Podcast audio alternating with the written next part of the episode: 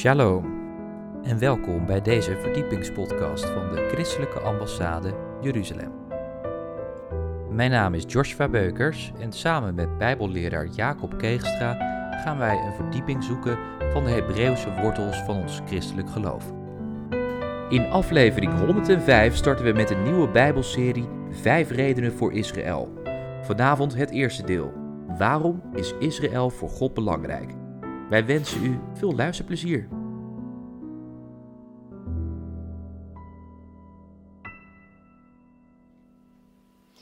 God geeft ons in zijn woord een handreiking. Eén hand met vijf onderdelen. Zoals ook één Torah met vijf boeken van Mozes. Maar ook aan de gemeente geeft God een handreiking van vijf bedieningen om die ene gemeente te leiden. Welkom in de nieuwe serie van de Christelijke Ambassade Jeruzalem, Vijf Redenen. En deze ronde, vijf redenen waarom Israël voor God belangrijk is. Gods woord geeft daar vele redenen en we hebben de vijf, of we denken de belangrijkste, uitgekozen om met u te bespreken. Zodat we werkelijk een weerwoord hebben in deze wereld. Vijf redenen waarom Israël voor God belangrijk is. En ik denk dat de allerbelangrijkste, de eerste is dat God Israël heeft uitgekozen. En dat God zijn verbond houdt met Israël. Dat lezen we direct bij de roeping van Abraham in Genesis 12. Die overbekende woorden waar God Abraham roept om uit zijn land te komen. En ik zal u tot een groot volk maken. Uw naam groot maken en u tot een zegen stellen. Met andere woorden, de roeping van Abraham is niet omdat Abraham God had verkozen, maar omdat God Abraham heeft uitgekozen. En ook direct daarna, als God een verbond sluit met Abraham, wat we lezen in Genesis 15, dat Abraham die offerdieren gereed moet maken, maar op het moment dat het belangrijk wordt, dat het verbond gesloten wordt, valt er een diepe duisternis op Abraham en Abraham slaapt. En dan is het God alleen die door de offerstukken gaat. Met andere woorden, het verbond wat God met Abraham en daarmee met Israël heeft gesloten, is onvoorwaardelijk en eenzijdig door God gedaan. Hoe dat volk zich ook gedraagt, God houdt zich aan zijn verbond. En niet alleen dat God zijn volk heeft uitgekozen, zich aan zijn verbond houdt, maar God houdt ook van dat volk. En dat verbond, wat hij ook op de Sinaï met heel Israël sluit, is eigenlijk een huwelijksverbond. En ook later in de geschiedenis, waarin we in Jeremia 31 uh, lezen, dat God met een eeuwige liefde zijn volk heeft liefgehad. En ook nu, nu God zijn volk aan het herstellen is, wat we lezen in Ezekiel 36, dat God herstel geeft aan het land en het volk, niet omdat zij altijd zo goed zijn, maar omdat God zijn heilige naam gaat vestigen op deze aarde. Met andere woorden, Israël is het voertuig om de wereld te zegenen. Vandaar direct al bij de roeping van Abraham: Ik zal u zegenen om u tot een zegen voor de volkeren te stellen. En omdat God zich houdt aan zijn verbond, hoe Israël zich soms ook gedraagt, dat is het fundament voor ons. Omdat God te vertrouwen is en zichzelf aan zijn verbond houdt, daarom is God ook te vertrouwen. Dus dat de kerk in plaats van Israël is gekomen, de vervangingstheologie, dat is een hele verkeerde theologie. Want dat betekent dat God dus zich niet meer houdt aan het verbond wat hij met Abraham, Isaac en Jacob gesloten heeft. Wie zegt dan dat God zich aan het verbond met ons zou houden? Maar omdat God trouw is aan zijn woord, trouw is aan zijn verbond wat hij met Abraham heeft gesloten, zelfs tot duizend geslachten. Daarom is God te vertrouwen en kunnen wij ons geloof op die God, die God van Abraham, stellen.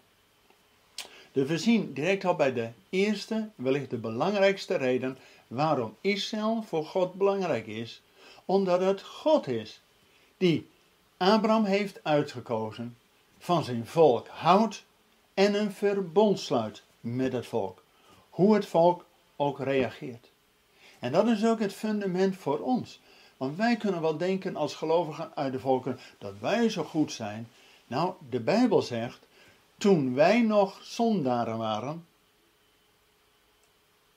is Jezus voor ons gestorven.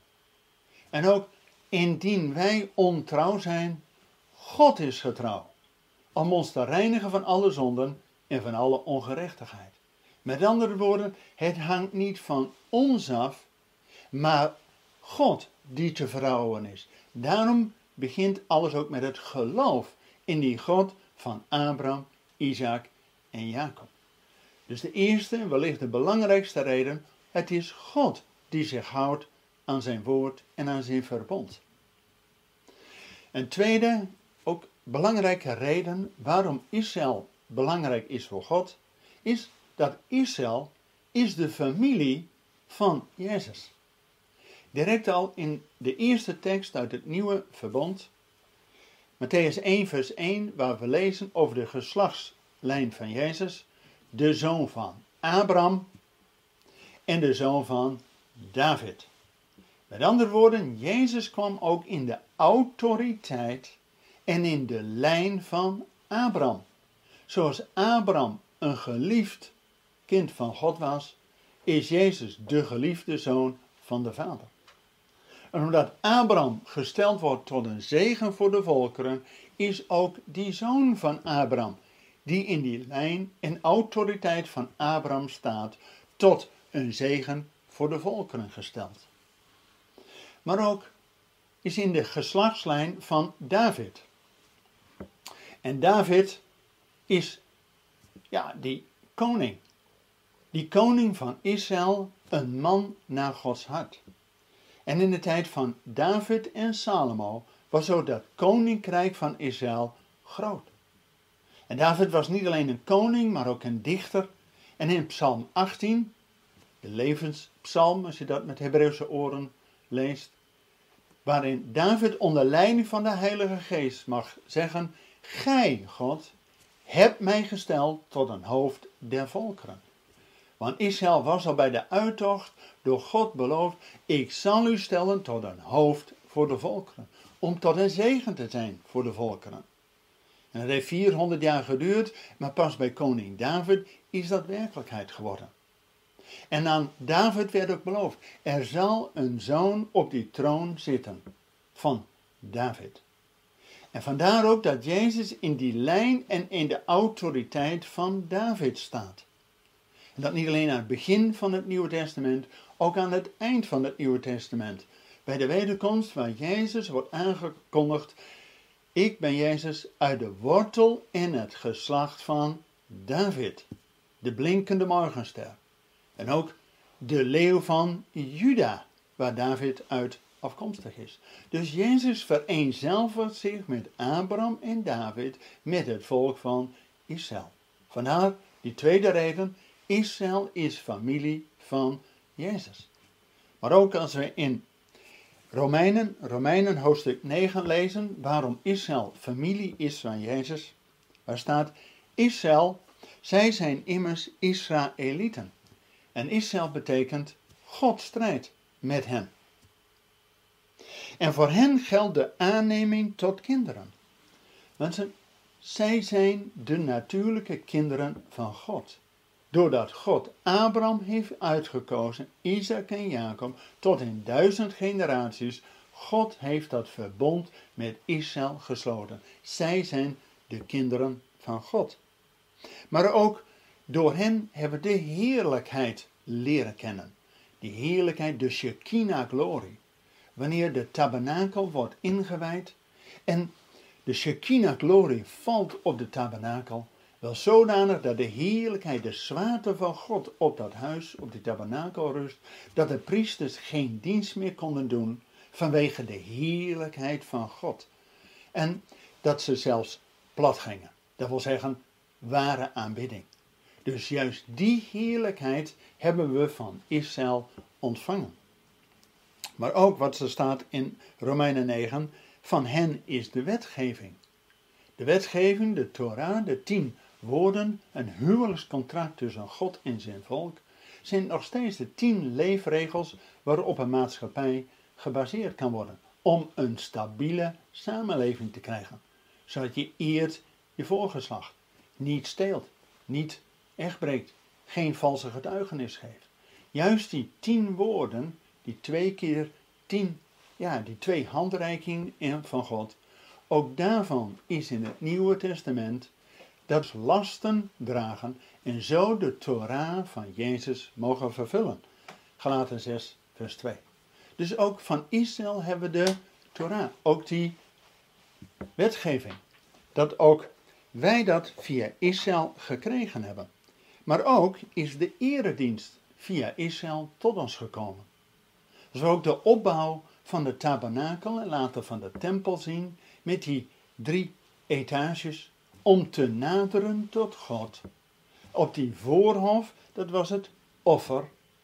En vandaar ook het offer van Jezus is voor ons de deur en de toegang tot ja, het heiligdom.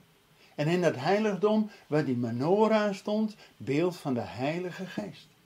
En wat staat er in Efeze 2, vers 18? Dat we door Jezus in één geest, ja, komen tot het hart van de Vader. Want in het Allerheiligste, waar de troon van God was, verzoendeksel, daar waar hemel en aarde raken, wij kunnen alleen naderen tot die eeuwige God door het offer van Jezus en door de vervulling met de geest. Dan pas kunnen we naderen tot God. En juist die eredienst hebben via Israël het voorbeeld ontvangen. Maar ook door hen hebben we al die beloften ontvangen. En alle beloften zijn in Jezus ja en amen.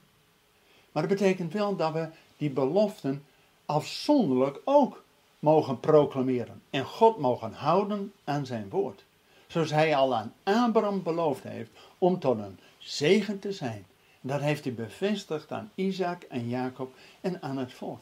Zodat al die beloften die God gegeven heeft voor Israël mogen zijn, maar ook wij die eerst buitengesloten waren, dat ook wij door het geloof in Jezus kinderen van Abraham zijn en delen in de belofte die God aan Abraham heeft gegeven.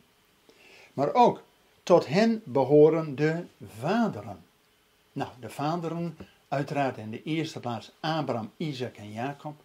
Maar we weten dat Paulus en ook Stefanus in het Nieuwe Testament de mensen, de omstanders van Israël, aanduidt met vaderen. Dus het zijn niet alleen Abraham, Isaac en Jacob, Mozes, David en Elia, maar ook het volk wat in de tijd van Jezus daar was wordt aangesproken met vaderen. Niet voor niks dat de apostel Johannes drie brieven schrijft aan de gelovigen uit de heidenen. En wij worden aangekondigd met kinderen. Betekent dat wij juist ook in Israël onze vaderen zien. En als we het laatste tekst uit ons Oude Testament hebben, Malachi 4, vers 6, waar staat dat God die profeet Elia stuurt om het hart van de kinderen terug te brengen tot het hart van de vaderen. Betekent ook wij, kinderen in het geloof, dat we terugkeren tot de Hebreeuwse wortels van onze vader, van Abraham, Isaac en Jacob van Israël. En daarom zijn we ook zo blij als christelijke ambassade Jeruzalem dat we deze thema-ochtenden mogen hebben om de Hebreeuwse wortels van ons geloof ja, met u te delen, want daar zijn we zelf door gezegend. En dan staat er ook, en uit hen is wat de, het vlees betreft de Christus voortgekomen. Dus Israël is ook met name familie van Jezus, omdat ze Jezus hebben voortgebracht. Vandaar dat deze reden dat Jezus zich vereenzelvigt met Israël en familie is van Israël. In zijn geslachtslijn, zoon van Abraham en zoon van David. En Jezus komt straks terug En hij zal herkend worden als de leeuw van Juda uit de wortel en het geslacht van David. Dat hij de rechtmatige ja, troonopvolger is van de troon van David. Maar nog een heel andere reden waarom Israël belangrijk is voor God, is de derde dat Israël tot een zegen voor de wereld is aangesteld. Dat God in Abraham al, dat Abraham gezegend werd om Abraham te stellen tot een zegen voor de volkeren.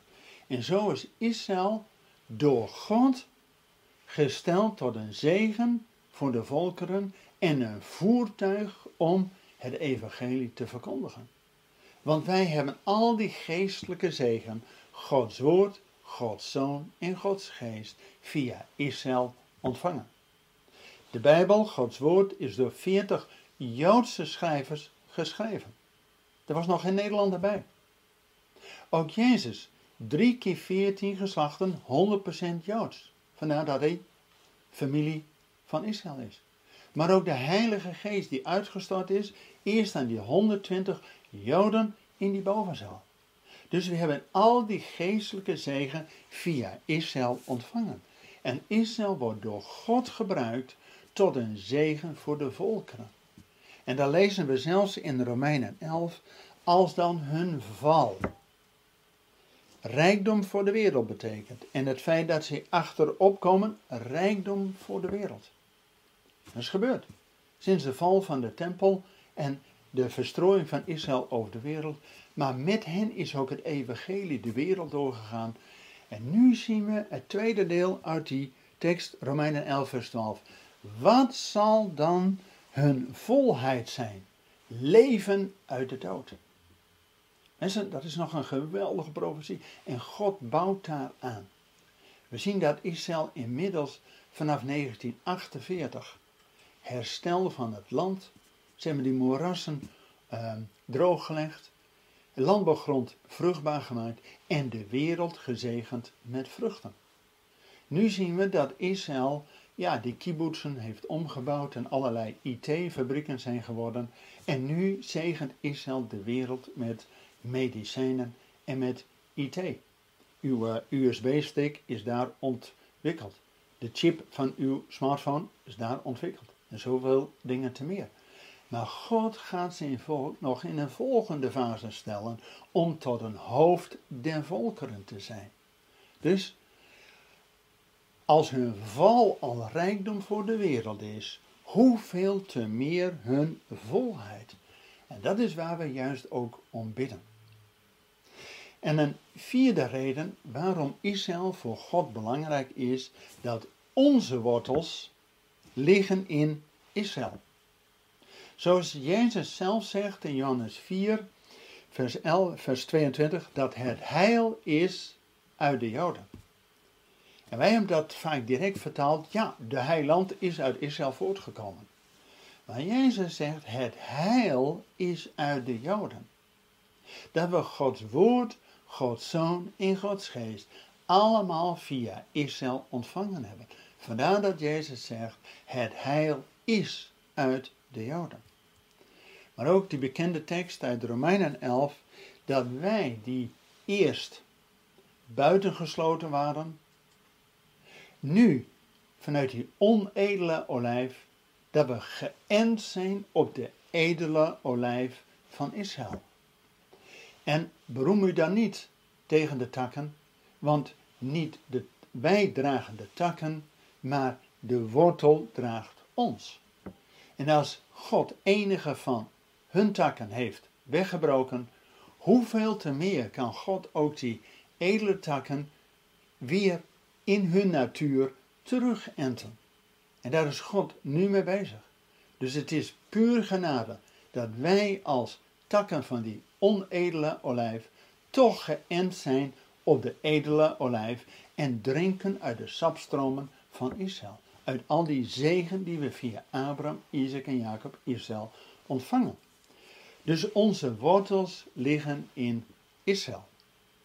En tot slot, de vijfde reden waarom Israël voor God belangrijk is. En als we geloof hebben in God, in de God van Abraham, Isaac en Jacob, dan is Israël ook belangrijk voor ons. En wat lezen we in Jesaja 40, vers 1? Dat we worden opgeroepen om Israël te zegenen. In Jesaja 40, troost, troost mijn volk, zegt uw God. Dat kan God nooit tegen Israël gezegd hebben. Want dan moeten ze zichzelf uit het moeras optrekken als een baron van Münchhausen. Dat kan niet. Dus God zegt tegen de volkeren, troost, troost mijn volk, zegt God. En als wij door de trooster geënt zijn op het volk en die andere trooster in ons woont, dan willen wij ook tot een troost zijn voor Gods eigen volk. Wat staat in Jezaja 40 vers 1. En we blij dat al 40 jaar lang ook dit het mandaat is van de christelijke ambassade in Jeruzalem. Vanaf 1980 dat we dit woord kregen, troost, troost mijn volk. En we willen straks ook een filmpje laten zien hoe we deze troost ook handen en voeten geven.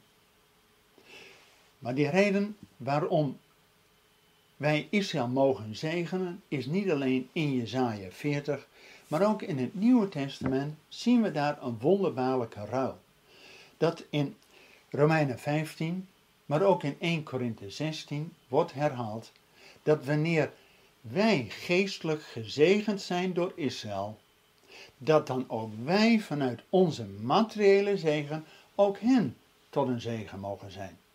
Wanneer wij door Israël gezegend zijn met Gods woord, Gods zoon en Gods geest, dan zegt de Bijbel dat ook wij vanuit onze materiële overvloed ook hen mogen zegenen. En dat is wat we ook ja, wereldwijd in 140 landen als christelijke ambassade proberen te doen. Om een stuk fundraising te doen en daarmee werkelijk tot een hand en een voet in Israël te zijn. Bedankt voor het luisteren naar deze verdiepingspodcast van de ICEJ. Waardeert u onze podcast? Steun ons dan met een donatie of ga naar onze website icej.nl. Volgende week gaan wij verder met deze Bijbelserie 5 redenen voor Israël. We gaan het dan hebben over Jeruzalem. Waarom is dat een belangrijke stad? Luistert u volgende week weer met ons mee? Ik hoop van wel. Bedankt voor het luisteren en tot volgende week.